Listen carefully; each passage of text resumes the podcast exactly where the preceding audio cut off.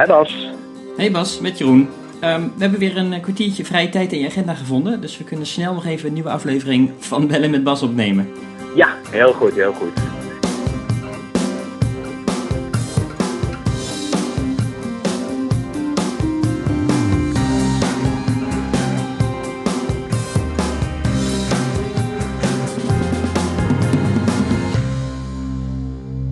Goedemiddag. Waar zit je?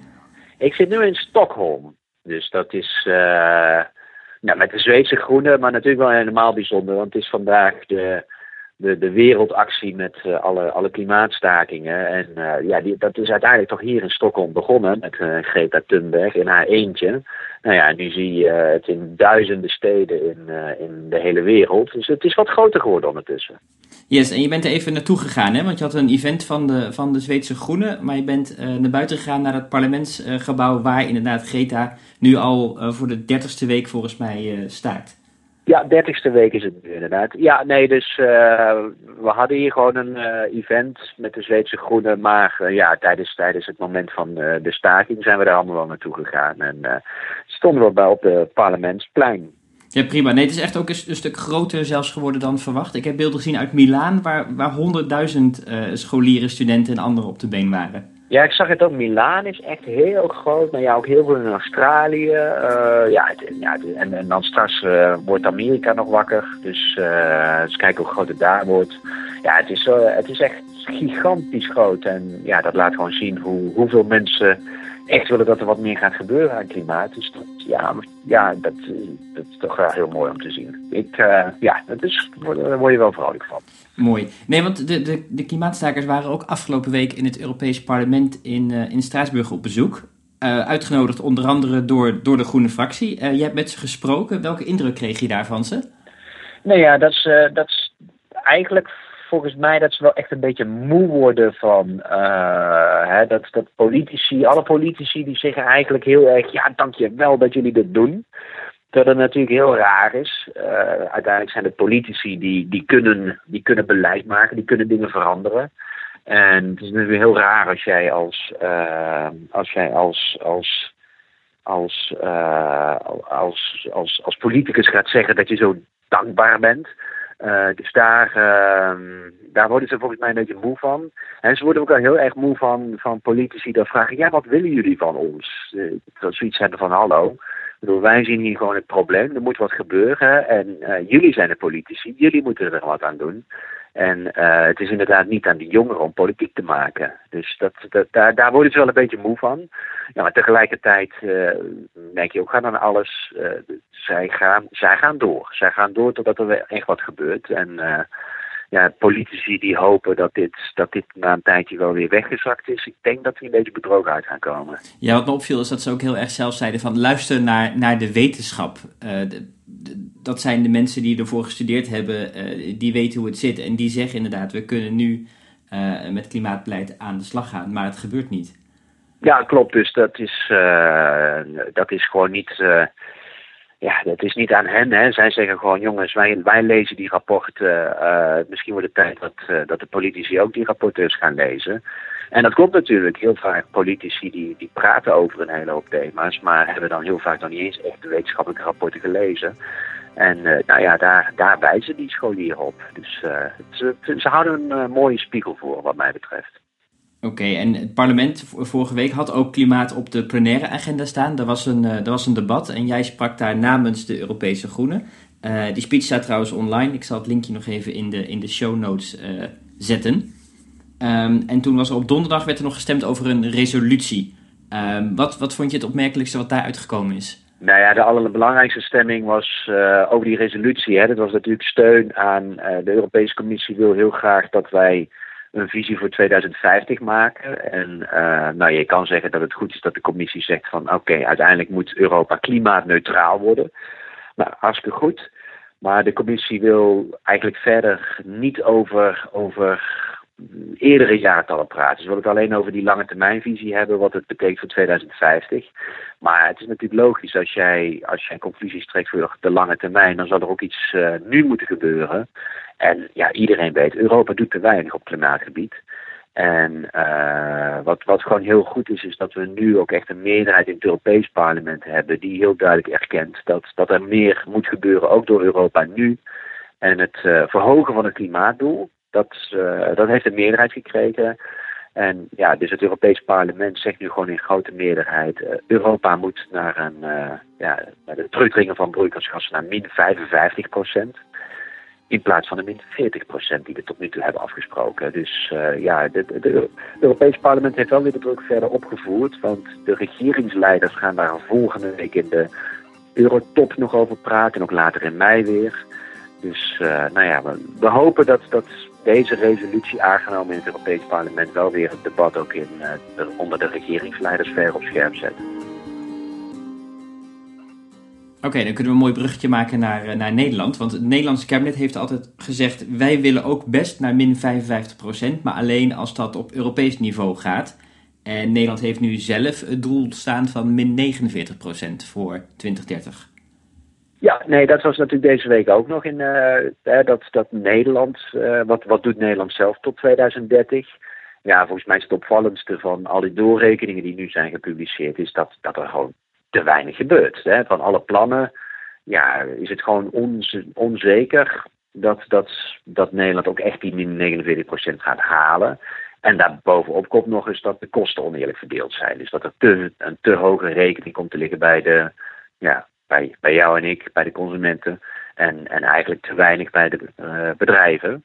En ja, het is verkiezingen, dus uh, ik denk dat Rutte ook inziet dat hij straks na de verkiezingen waarschijnlijk wil hij meerderheden in de Senaat krijgen, dat hij dan toch naar links moet kijken. Dus Rutte heeft gekozen voor de sprong naar voren en heeft een aantal GroenLinks voorstellen nu al uh, gezegd dat hij die gaat overnemen. Dus dat, ja, dat is wel interessant, want dat, dat gaat ook wel weer gevolgen hebben voor het Europese debat. Uh, als Nederland nu echt wat stappen gaat zetten op haar klimaatbeleid. Ja, dat, dat, dat zet hopelijk ook weer wat andere landen aan tot verder klimaatbeleid. We komen er wel, maar gaat het snel genoeg, is natuurlijk altijd de vraag. Gaat traag, ja. Maar uh, nou goed, ik bedoel, Nederland kan dan weer in Europa weer een verdere stap zetten. En uh, nou ja, laten we hopen dat meer landen gaan volgen. Nou, we kunnen optimistisch zijn. Uh, er zit in ieder geval beweging in. Dat is volgens mij uh, een, belangrijke conclusie die we kunnen trekken. Nou ja, plus uh, met al deze klimaatstakingen die je nu over de hele wereld ziet, maar zeker ook in Europa, dit thema dat, dat, dat blijft doorgaan. En nou ja, zoals Jesse Klaver al zegt, hè, dit voorjaar zijn het de klimaatverkiezingen. nou, die zijn er volgende week provinciaal, maar in mei ook Europees. Ja, absoluut. Oké, nou even verder naar het volgende onderwerp. Uh, want wat ook nog uh, speelde in het Europees Parlement was een uitspraak van de parlementsvoorzitter Antonio Tajani. Hij ah, uh, ja. zei op de Italiaanse radio, deed hij toch, nou ja, voor ons een opmerkelijke uitspraak. Hij zei dat Benito Mussolini, dat is de Italiaanse leider die in de Tweede Wereldoorlog aan de kant van de Duitsers stond, ook best goede dingen gedaan heeft. Ja, belachelijke uitspraak. Dit is, dit is ehm, ja, dit is typisch Tajani. Uh, ook wel even belangrijk om te weten, hij zit in dezelfde kieskring als de dochter van Mussolini. Dus uh, ik weet niet precies wat hij nu denkt dat hij kiezers kan overhalen door, uh, door positief over haar vader te praten. En hij is zelf een, zelf een christendemocraat, hè? Een christendemocraat, dus hij is collega van CDA, Berlusconi, Orban, echt leuke club. Ehm, en die, ehm, ja, hij, hij lijkt nu te doen alsof hij zegt, ja, maar ik, ik heb gezegd dat ik het fascisme afkeur. Maar ik, dat ik wel zie dat, dat hij ook goede dingen heeft gedaan. Terwijl, ja, dat is natuurlijk een totale ontkenning van de hele geschiedenis. Want uh, Mussolini, het is niet zo dat Mussolini zo'n zo'n brave jongen was. En totdat hij ergens een keer gekozen heeft om aan Hitlers zijde te gaan staan. Daarvoor heeft hij al de persvrijheid teruggedrongen. Heeft hij eigenlijk het parlementaire systeem in Italië klein gemaakt. Dus, dus dat, dat is een hele agenda geweest en nu doen alsof je zo iemand een beetje kan splitsen van zijn fascistische periode en een soort pre-fascistische periode. Totale onzin. En hij is daar ook heel erg kritisch op uh, aangevallen afgelopen donderdag in het Europees Parlement. Maar dit gaat een staartje krijgen, want eigenlijk hebben groene sociaaldemocraten en de linkse partijen gezegd, je, moet echt je excuses aanbieden. Anders is het gewoon uh, ja, wegwezen. En uh, ja, wat mij betreft, wij, wij zijn altijd al uh, tegen Tajani geweest. We hebben er ook tegen gestemd. Helaas was dit een deal met de liberalen, waardoor die, uh, waardoor die voorzitter is geworden. maar ja, wat mij betreft wordt, wordt Tajani behouden als voorzitter van het Europees Parlement wel steeds lastiger.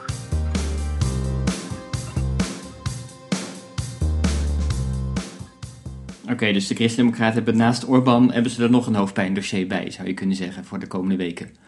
Ja, ja, nee, ja, Tajani uh, komt gewoon uh, erbij voor de Christen-Democraten. En dan moeten ze volgende week nog, uh, nog kiezen wat ze met Orbán gaan doen. Hè. 20 maart komen de Christen-Democraten bij elkaar. En staat Orbán op de agenda. Nou ja, laten we hopen dat de Christen-Democraten daar nu echt een keer een streep gaan trekken.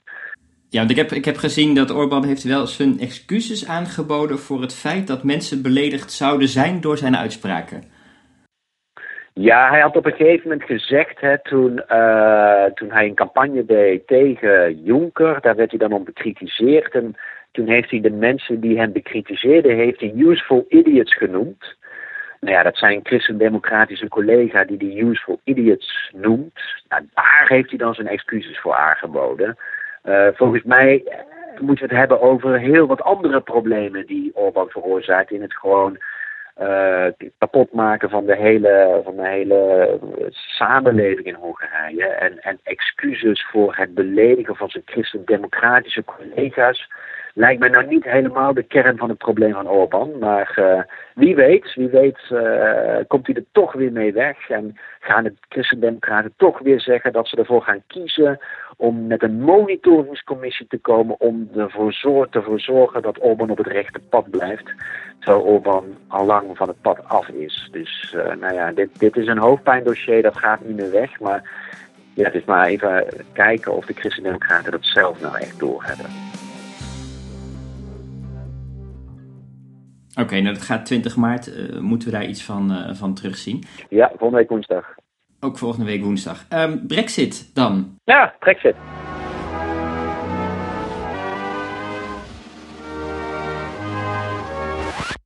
we hebben drie stemmingen gehad in het Lage Huis. Um, de Britten willen um, uh, niet de deal van mee, maar ze willen ook geen no-deal Brexit. En nu willen ze dus uitstel. Ja. Alleen hoe precies is ook nog niet duidelijk. Nee, nee, dit is denk ik uh, de stand van zaken van het Britse lagerhuis. De enige meerderheid die ze kunnen vinden is uitstel, maar dan onduidelijk waarvoor. Dus uh, nou ja, wat een beetje vermoeiend begint te worden. Volgende week hebben we dus weer een nieuwe eurotop. Er komen de regeringsleiders bij elkaar. We zouden het dus eigenlijk moeten hebben over hoe gaan we om met klimaatverandering, de hele euro, toekomsteconomie allerlei belangrijke thema's op de agenda, maar zeer waarschijnlijk uh, gaan we toch weer heel veel over Brexit hebben. Uh, waarbij eigenlijk de hoofdconclusie is dat we nog steeds niet weten wat de Britten nu willen. Althans, wat de Britten in meerderheid willen. Uh, Theresa May heeft een deal uitonderhandeld op voorwaarden die zij zelf heeft getekend. Dat heeft tot deze deal geleid.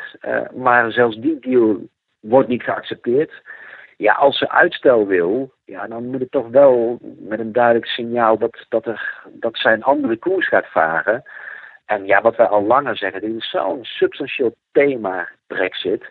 De enige manier om hier tot een deal te komen is door te gaan samenwerken met de andere partijen in het parlement. Dit is niet meer partijpolitiek, dit gaat over de toekomst van een land. En dat moet je echt met een brede politieke steun doen. Dus May zal echt uit haar eigen partijkoker moeten stappen en een bredere coalitie gaan vormen.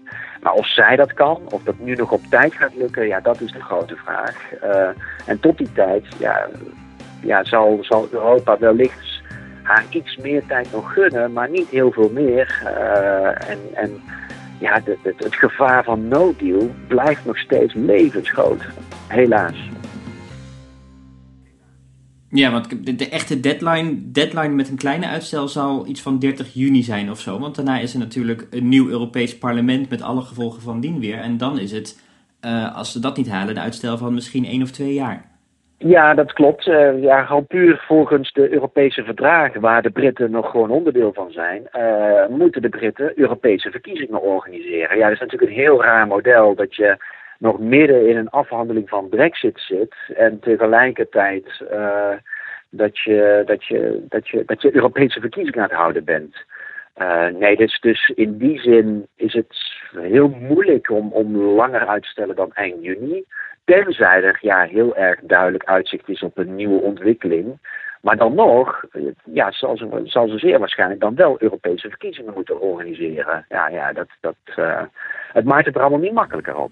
Nee, zeker. Maar goed, we hebben volgende week ongetwijfeld weer een nieuwe, een nieuwe afspraak om even te bellen. Dan kunnen we weer kijken hoe dan de, vlag, de vlag erbij hangt. Ja, um, Volgende week dus op de agenda verkiezingen in, in Nederland. Ja. Dat is natuurlijk nou ja, het, het belangrijkste zou ik willen zeggen. Ga vooral stemmen natuurlijk. Um, en verder ga je nog op reis naar Boedapest, naar Wenen en weer even naar, uh, naar Londen zelfs. Ja, nee, dat staat nu op de agenda. Ja, dus de verkiezingen Provinciale Staten op woensdag. Dan ga ik naar Boedapest. Dan ga ik met mijn uh, Hongaarse groene vrienden gaan we, gaan we een rapport over kernenergie uh, publiceren of presenteren. Uh, wat, wat vooral laat zien dat, dat kernenergie in bijvoorbeeld Hongarije, dat zo door Orbán wordt uh, geplukt, dat dat vooral eigenlijk alleen maar mogelijk is door je, door je nogal uit te leveren aan Russische kennis. Ja, we weten allemaal hoezeer Russische bedrijven dicht tegen Moskou zitten. Dus politiek zit Hongarije zich steeds vaster uh, aan Poetin te klinken. Uh, daarna naar Oostenrijk. En inderdaad, volgende week zaterdag, ja, de grote People's March in Londen. Waarin eigenlijk alle Britten samen zullen komen die, die geen brexit willen. Nou ja, dat, dat, wordt, dat, dat wordt echt een hele grote mars waarschijnlijk. Er worden aparte treinen ingezet van alle hoeken vanuit Engeland. En die zijn allemaal uitverkocht. Dus uh, Londen gaat ongelooflijk vol worden volgende week zaterdag. En uh, ja, daar ben ik wel heel graag bij. Oké, okay, nou we gaan, het, uh, we gaan het zien. We bellen volgende week weer en dan horen we ongetwijfeld hoe het allemaal is, is geweest. Bedankt voor je tijd Bas en tot gauw weer. Hartstikke goed, dan ga ik nu weer terug, ga ik nu weer terug naar mijn Zweedse groene. Oké, okay. doeg! Alright, hey Jeroen. Doeg doeg. Ja.